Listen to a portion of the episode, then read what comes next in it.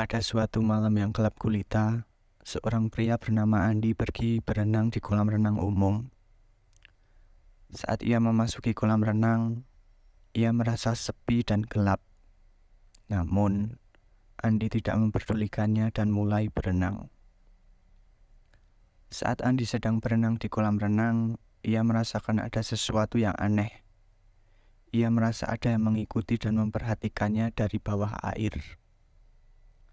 Andi merasa tidak nyaman dan memutuskan untuk keluar dari kolam renang. Setelah Andi keluar dari kolam renang, ia merasa ada yang tidak beres. Ia merasakan ada yang menempel pada dirinya.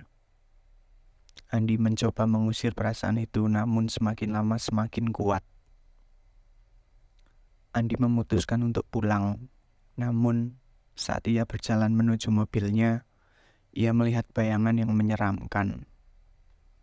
Bayangan itu terlihat seperti sosok manusia yang terendam di dalam kolam renang.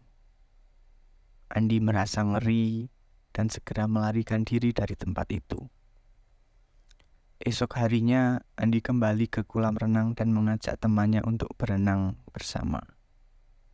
Namun, ketika mereka sampai di sana, kolam renang itu sudah kosong dan tertutup dengan pembatas besi.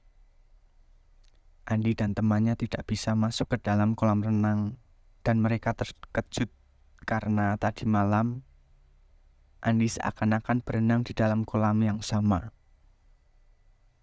Sejak saat itu, Andi tidak pernah lagi pergi ke kolam renang itu dan selalu merasa ada yang mengintainya dari dalam air.